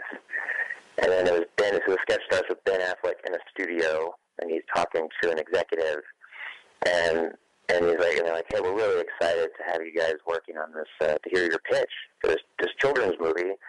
Uh, where's your brother, Stefon? It's like, oh, he's running a little late. Um, just so you know, he's been going through some stuff, you know. And then I come in and I'm that character, and so then it was us pitching a children's movie. Um, and then so Ben Affleck would be t- pitching like an actual kids movie about a kid you know, his grandpa helps him get on the football team, and then Stefon would cut in and be like, yeah, you know, the grandpa is like super jacked and he's like sunburned, and you know, he would describe what the grandpa was like, and so just explaining to you right now, you're kind of like, okay, wait, back up. So there, a what? You know what I mean? yeah, it was a long walk, and so we tried it a couple of times, and it was just you could feel the audience going, what? And and then Doug Abeles, who ran Update at the time, said, I love that character. You guys want to do him on Update? And then, you know, uh, John said, yeah, how about he just, he talks about clubs to go to, you know? And John showed me this email that someone had sent him about clubs. He's like, maybe he should just talk about clubs. So we simplified it, way more palatable, and and then it worked. But that's just to my point is, you know, you, you, it's like everything is a draft. You know, you're you constantly are figuring it out. And what I've learned from working with people like the South Park guys or the Pixar guys, you know, hanging out in their writers' room during Inside Out, or um, at SNL, or working on a Judd Apatow movie, is that no one has the answer. Everyone is figuring out all that. They always have the attitude of students. You know, they're going, why didn't that work? Or why does this work? you know what I mean? I wonder why, you know, and they are just banging their head against the wall trying to figure it out because they're they're artists. You gotta look at you gotta look at yourself that way and not feel you can do it interior, you know, you have it quietly in your soul, but just be like, I'm an artist, like this is what I do. and know that as, as part of the healthy process um, to become an artist or to, to be an artist. I mean, even those who are in their 90s and write comedy, they're, they're still struggling with whether a joke will work or not. Whereas if you were a doctor or an electrician or a plumber, if if you work the same job for 50, 60 years, the mystery is gone. But Yeah, the mystery is gone. You know what you're doing, yeah. but it doesn't disappear with comedy. No, yeah, or anything. I mean, that uh, what, the the Akira Kurosawa when he got a lifetime uh, Oscar, and his acceptance speech was just him going, essentially, you know, I don't know how this works. I'm still trying to figure this shit out. You know, and he's made some of the greatest films of all time, and, and he's like, I don't know what makes a great movie. I had a friend who worked with Martin Scorsese, and he said every day he's just going, "What the fuck? What did I get myself into? Shit!" You know, right. what are we doing? What are, this is wrong. Oh fuck! God damn it! Uh, I did the same mistake again, right? And I relate to that, where I go, "Oh, I'm doing it again. I'm making things too difficult. I'm, why, you know, simplify it. Simplify it. Why are you, you know, and and every perfor- anything, you know, it's it's it's. uh and I used to have this real naive thing of you write the movie and that's it because you wrote it in final draft and it looks like a screenplay, so it's a screenplay, you know. Or you performed up on stage and I'm now, you know, I performed up on stage. No, man, you gotta you gotta keep honing it and working at it. I think that's you a great lesson because a lot of people, writers, actors who are just starting off, look at certain performers, writers, whomever, and think they have it on easy street. But everyone Oh. struggles and everyone wants to be someplace different or up or down or they're envious. Uh, no one's completely content. No, actually, it gets worse. You know, it does. It, it really gets worse. Well, you know more. You know, you just know more how to. You, have to just work with people. You have to understand where other people are coming from, and if you're lucky, you'll work with really great people who want the same thing. And and I, I see the the thing that has blown any movie or anything I've been on where it didn't work. It's because you know the director is directing one movie and the actors are acting in a totally different movie, and the producers thought they had this movie, but you know, I've been in that situation, you know, and I've pulled out of movies before because I've been in that situation where I go, oh, this is not what I thought it was, and it happens. Um, today I have that luxury. A couple of years from now, I might have, I might not have that luxury. I might just have to be like, I got three kids in school, but the rejection is constant. It doesn't matter who you are. You know, I have friends who, I well, me, I fucking, you know, read for parts for things and just immediately, you know, no, or or flying to, you know, recently flew out, uh, and read for something, and just the minute I walked in, I got, a, you know, you fly out, they put you in a hotel room, you sit in the hotel room, you're running your thing, you know, over and over again. You really, God, I know what I'm doing. And the minute I walked in the room, I just knew they were like, no. wow. Why do you think that was? I think they just needed to see me in person, and then I read it. You just saw on his face. Like it was like wrong, and that happens to everybody. I mean, even for writers, I was interviewing David Sedaris, and not every piece he writes for New Yorker gets accepted, which I was astonished by. So just the fact that if, if he can struggle, if he can get rejected, then everyone, especially if you're first starting out, they're going to be rejected. It's Oh, part of the process. It doesn't go away. It's it's not like this this thing where you go, well, I'm never going to get rejected again. It happens all the time. Okay. I don't know. Well, that's a good thing for everyone to know, especially for someone who's doing as well as you, that you can still feel frustration and want to be. all the time. All the time. It never it never goes away and it's just your ability to deal with it and to really be pragmatic about it mm-hmm. and just go, Oh shit. All right, well you know and everybody has horror stories, you know. You know, you meet people and you you know, be a part of a movie that went bad and you'll talk about oh, my you know, the movie we were in really tanked or TV show we did is just getting terrible reviews. And always you'll see someone go, Oh, well, when I made this, mm. you should have seen the reviews. They were terrible, you know, or mm. I got oh, we got slayed on this or people hated this or and now it just you know, people the internet and people tweeting and Oh, so it never ends. and stuff like that. It never ends, and that's that's why I don't. I, you know, people talk about that. I go, oh, don't engage in that. Just don't. Instead of engaging in that, go make something. Yes. Just go make something. Don't don't. Because I I was in my early, late teens, early twenties. Now, I I would totally probably be on. I would totally be on Twitter, starting arguments with people, and I would totally have a blog where I would bitch about movies and music and books or whatever. And I, because that's all my friends and I did at like coffee shops, you know. we sit around and smoke. You could still smoke inside and and drink coffee and bitch about this and get in arguments or whatever. And none of us were working on anything. Right. None of us were creating stuff. And then you actually start creating shit, and you go, oh, this is way harder. This is not. And then you create stuff within a community, you know, in a communal way, uh, on a movie with a studio or a network or a television or whatever. And it's a whole other thing that you got to deal with. It's a miracle. And then you go back. It's a miracle. It's a miracle when it works. And so then you go. So like IFC, I mean, I couldn't have been more more blessed, you know, with working with IFC that they went great, love it, you know. and now that I know that, everything I watch, I'm like, oh man, how beautiful is that film? Oh my god, how beautiful! How the hell did they pull that off? right. How beautiful was that it was actually made and, and made well. It's such an amazing Yeah. thing. But I think that that sense of being positive is very important too. I, I see Yeah. negativity, and I don't think anyone goes into comedy or writing to be negative. But I think sometimes they can become negative. Um, yeah, you become bitter. Yeah, but yeah. I think you have to look at it in a positive way and just keep moving forward. That's it. I mean, it's either that or just or just uh, die. I mean, I don't know what else you can do. what else I can mean, you do? Right? Yeah, what else can you do? I mean, it's like you can't control it. Like, what can you control? You know, I remember SNL. I would flip out, and I just finally went, "Well, what can I control?" Uh, every Wednesday, I bring in at least two funny the scenes I find funny to the table. That's it. And the other thing I can control is being good in my cast members' pieces. Right. That's it. And that's all I did for eight years. Once I figured that out, oh man, it was great. like, I was able to just like relax. So your work, and I had a great time. noticed, and then you became a happier person. Yeah, because you're again, you're not.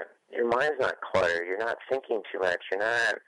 I'm a very neurotic person, and and and that helped me once I kind of went, oh well, you know, same thing with documentary now. Like once we do it, we put out okay everything, and then I got an email from Andrew Singer, our producer, going, well, premiere dates tomorrow.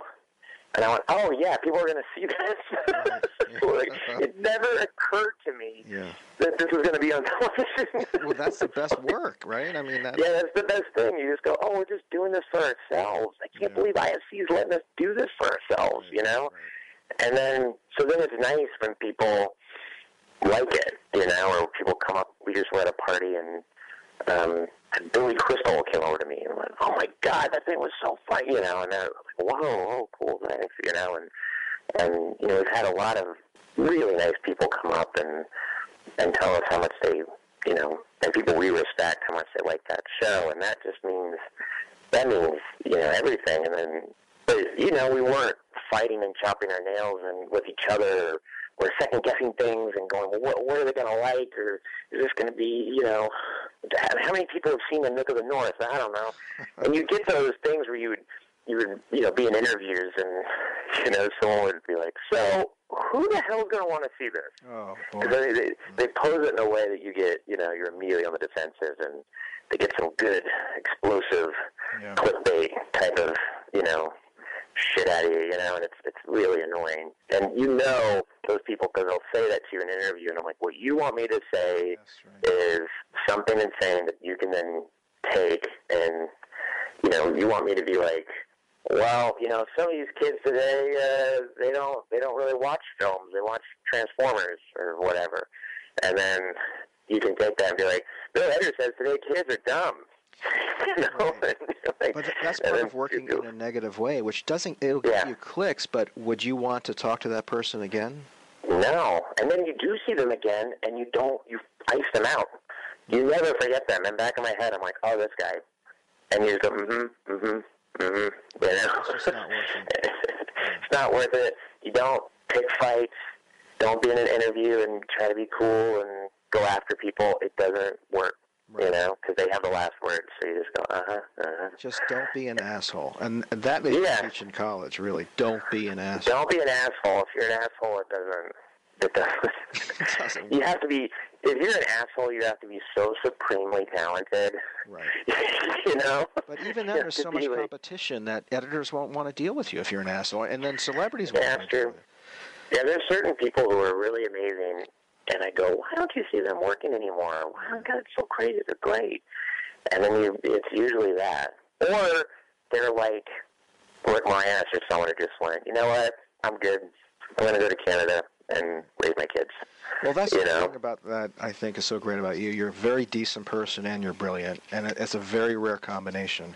And Oh, you're nice. Your work has meant a lot to me over the years, and I really appreciate you giving me this much time. It's really it means Oh man, are you kidding? Oh, it means a lot, Mike. It means a lot to me. That means a lot to you. Good man, that Bill Hader. I think he's going to make it. I thank him for taking the time to talk with me. When we talked by phone last week, he was in the middle of casting his upcoming HBO project, and he took valuable time away from that to just chat, and I appreciate it. So I want to talk now with Rich Jordan. Rich Jordan was the investigative journalist I spoke about earlier. He's the one who headed up our 15 part series, Getting to the Bottom of It. After months on the ground, Rich reported for us an award winning story about a kid. His name is Benji Mortison. And he reported that Benji definitely had not done the killing that he had been convicted for. That he was, in fact, just an innocent kid being held behind bars for life for a crime that was committed by somebody else. So we aired this on the show. And right away, letters began pouring in with a lot of concerns, a lot of questions. And within a few days, we began to have second doubts. So I'm going to call Rich now. He has been avoiding my call seemingly for the past week or so. And we're going to put him on the air as is only fair to you. We're not hiding behind anything. We genuinely are confused by this. We have some questions concerning this incredibly convoluted, controversial case, which has attracted worldwide attention. And it's now time to find out what's going on.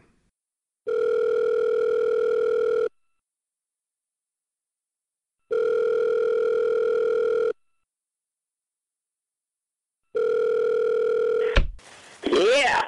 Rich. Uh-huh. This may be the 14th, 15th call that I've made to you in the past week. You have not been so great about getting back to us. Oh man, my phone's been on the fritz or whatever. Right? This is it. Is this Mike? Yeah, this is Mike at um, Doing It with Mike Sacks. I, I wanted to talk to you about some things that I sent you in an email. I had some concerns about that report that you had done, that 15-part report. Uh, but meaning to get back to you. I don't know. I just got away from you. Okay, great. So we came to the conclusion that this kid, this Benji kid, he was innocent, and, and this was based on your on-the-ground reporting. Yeah, that's yeah. All right, so we went out on a huge limb for this. We didn't say he might have been innocent. We said this kid was innocent. Okay. Do you still believe Benji was innocent? No. No. Uh, well, okay. We should have waited for the trial to have taken place on this one. You, you, the trial had not taken place, and you told us the trial had taken place. Okay. No. It, no. Uh, And it was clear from the once the trial happened that he was guilty. yeah. I mean, totally. Were you at the trial? Nah. I mean, I just I like I, I read the reports about it and whatever. So let's go through some of these claims that you made. Okay, so you said the, you said the police stated that this kid had a large knife on him when he was found. Correct? That the police made that statement. Mm-hmm. Yeah. All right, but you reported for us that he was in reality Benji was holding a giant lollipop. Yeah, I mean, the more you look at that now, you just really look at that. I mean, he was obviously lying about like everything. I mean, it's, the kid's diabetic. Like, we wouldn't even have a lollipop. I mean, You just trusted this kid on saying that it was a lollipop he was carrying and not a kitchen knife. yeah, no, it's ridiculous. But I'm I'm a trusting dude, oh, right? You know. Glad you trusted him. We trusted you. Well, you know, you're a trusting dude too. That's why we get along. Yeah. Right, so we said that this kid was working as a stripper the night of the murder and that he had a rock solid alibi. Yeah, yeah. You know, one of those lollipop strippers. Yep, I did say that. Was Benji working as a lollipop stripper the night of the murder? No, no, he doesn't currently work as a stripper. He was working. Uh, there's a tire store in Poolesville. Is where he works. Um, But not even that night in question. Like, dude, that night he wasn't. wor- He was probably killing that night. So he wasn't even. First of all, he's not a stripper. He works at a tire store in Poolesville, Maryland, and he mm-hmm. wasn't even working at a tire store the night in question. No, probably stabbing. Really. Okay, so we announced that the blood on Benji's shirt was cranberry sauce, and you said that this cranberry sauce had come from his grandmother, who made Benji a snack. Right? I mean, that's a good, as good a story as anything. But no, blood. That was blood. It was blood. Was it his blood? Uh, I mean, who can tell? Did you run tests? On what? For the blood. Did you run tests for the blood? Oh, yeah. What? No, that's like expensive. Are you crazy? That's why we gave you a twenty thousand dollar expense account. Oh, yeah, but So what do you spend the twenty thousand dollars on? dude, jet ski stuff. Jet ski stuff. Okay. Yeah, it's just expensive. So one of the bigger revelations in this report that you gave us was that Benji was left-handed, and and a left-handed person could not have done the killing. There's no way physically a left-handed person could have done the killing. Right. That's true. I mean, he is left-handed. All right, so that fact is correct. Well, no, not the whole thing. He's not left-handed. No, he is left-handed, but I mean, the guy who told me about like the whole thing my, is my roommate Peter. Peter. Yeah, renter. You know, upstairs. So your roommate Peter told you about the left-handed. So where did Peter gave you the information about the left-handed uh, left-handed physical fact that he could not Benji could not have killed someone left-handed. Right. Yeah, like splatter things and entry wounds. Right, and there was a ton of detail. So where did Peter get this information? So, like CSI, I think. CSI, the TV show? Yeah, it's, they're so detailed. You ever watch that? No, I haven't. Another big revelation was that the muddy footprints matched not Benji's, you said, leading away from the crime scene, but it matched a seven foot tall guy who was seen limping away from the crime scene. And you stressed that he was seven feet tall, and you stressed that he had a limp. Yeah, no, I think that was Harry and Anderson. You think now that Benji told you that because he was a fan of ben, uh, Harry and the Hendersons. Yeah, I mean, I think that kid saw from that movie, you know, like with the Bigfoot. All right, so you were okay with Benji saying that a big hairy giant was running away from a crime scene? Yeah, I mean, why not? Do you do you understand what type of predicament that you placed us in? We stated outright that this kid does not belong in prison. All right, and a lot of people, a lot of people agree with us. There were pickets outside the prison. There were thousands of letters written to the district attorney's office. You got a book deal out of it. I was in a million TV shows defending you and your position and the show. Imagine. Wow. I mean, that's I, I'm sorry. Yeah, I mean, what do you want from placing an ad like on Craigslist for an investigative reporter? I mean, Oh, an investigative reporter. You, you sent a huge resume. Was that the truth? yeah, I mean, fake it till you make it, right, dude? I mean, we it's a dream, okay? And one day, I'm gonna become a real investigative reporter, and you're gonna like eat these words or whatever. So I'm gonna. So there'll be another murder that takes place, and I'm gonna hire you to investigate it. Yeah, well, you are all charged twice as much. You probably can't even afford me then, or whatever. Apparently, we have to now issue an apology. Okay, so quickly, let's go through the rest of your reporting so we know exactly what to say. You said that the real murderer killed this guy over a bet they had placed on who experienced more gas, stomach gas, after drinking a gallon of milk. Like a fart thing. I mean, God, isn't that just now, like, that sounds so stupid. Well, sounded stupid then, but we trusted you. I, you crazy stuff. So you interviewed you interviewed many of Benji's former teachers, correct? And all of them said that he was not capable of violence, that it was not the Benji they knew. Yeah, well, I mean, that's what I thought. It turns out those weren't his teachers. That was actually Benji using different voices from the prison phone. Like, is he capable of that? You're asking me if Benji is capable of using different voices to imitate teachers. I don't know. You told us that those people were his teachers. I just, I mean, I, I wondered why the calls were collect. The calls were collect. Why didn't you tell us the calls were collect? Where else did you think the calls were coming from? Come on, well, you, you don't have to know everything, but you got to know what pants I'm wearing. I mean, So the real killer is not out there now. You said that everyone should be awake to the possibility that they could be killed any second. Those were your words. Mm-hmm, mm-hmm. I mean, yeah, it's dangerous out there, but I mean, no, definitely in this case, no, definitely not. Everything's fine. And the real killer, you said that he was sending you threats. He was um, in your last report. You said that he you were receiving threats from the real killer out there who was going to kill you before you found um, more information out. Is that true? Right. No, and you know, I think uh, I think that's Benji. Like I, the letters look like they're written in a golf pencil, like in jail. You know.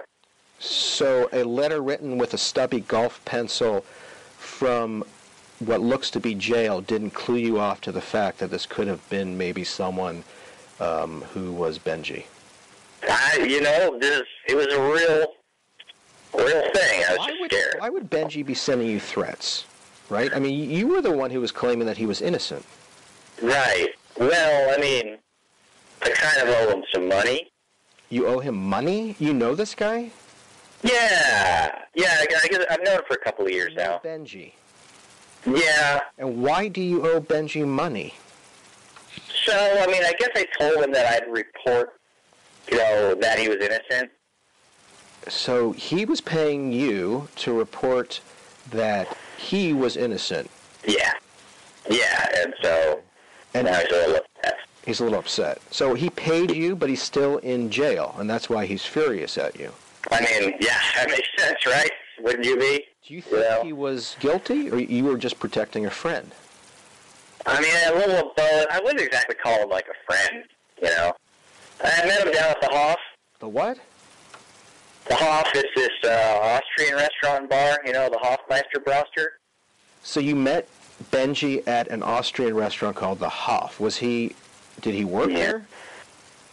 Uh, I think he like used to. We just hung out there a lot and like creeped on everybody, and I we played some pool and stuff. So okay, so you met this murderer at an Austrian restaurant, playing pool, and he paid you to tell you, the world, that he was innocent. I was just lucky I wasn't killed, you know. Okay. Do you want to tell the listeners anything else?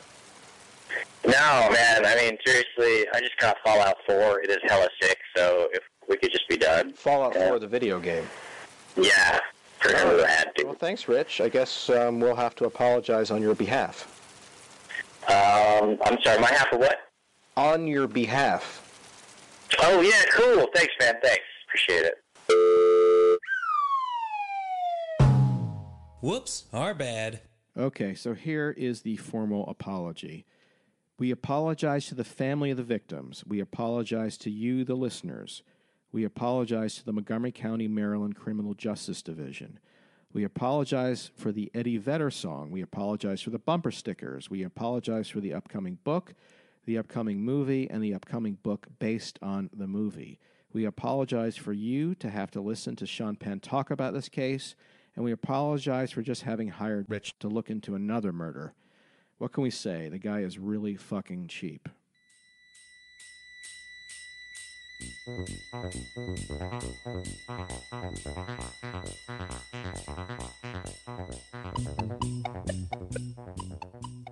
That is it for the 424th episode of Doing It with Mike Sacks. Here are some highlights for the upcoming podcast out next month. I will be telling you about my ongoing sexual relationship with my low slung Mikkel Danish TV stand from IKEA. I shall be reading a full chapter from the novelization to Hooper with Burt Reynolds. It's the chapter in which Burt hires an orangutan to groom his toupee. I will be interviewing Lorne Michaels about Marc Maron not getting on the show three decades ago.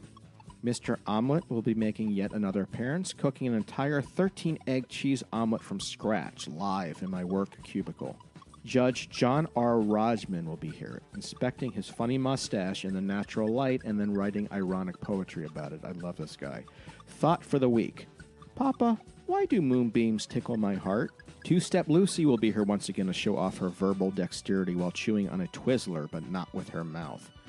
We will be rerunning a career retrospective about the world's hottest and most popular African American rapper and actor, LL Cool J. I hope I pronounced that correctly. I am not familiar with him. And finally, I will virtually hug the world, and the world will hug me back, but not virtually, literally. I appreciate you joining us. I really do. I look forward to not seeing you next week. I will see you next month. A few shout outs Beth Newell and Bill Hader for sitting down and talking with me. Dax Jordan for playing private investigator Rich Jordan. Rob Schulte for producing, editing, wrangling. You can reach Rob at robkschulte.com. Let me spell that for you R O B K S C H U L T E.com. He's a great producer and he's looking for work. Hire this guy, he's fantastic. He has a podcast called GFY with Max and Rob. That's hilarious. Check it out. You can reach me at mikesacks.com or doing it with mikesacks.com. So keep your feet on the ground and keep doing it. I'm gonna go on a little trip. Are you taking me back to the orphanage? No, And where are we going? I don't know, but wherever we go, there's no rule that says I can't be your father. I love you, Fonz. Love you too. Let's go.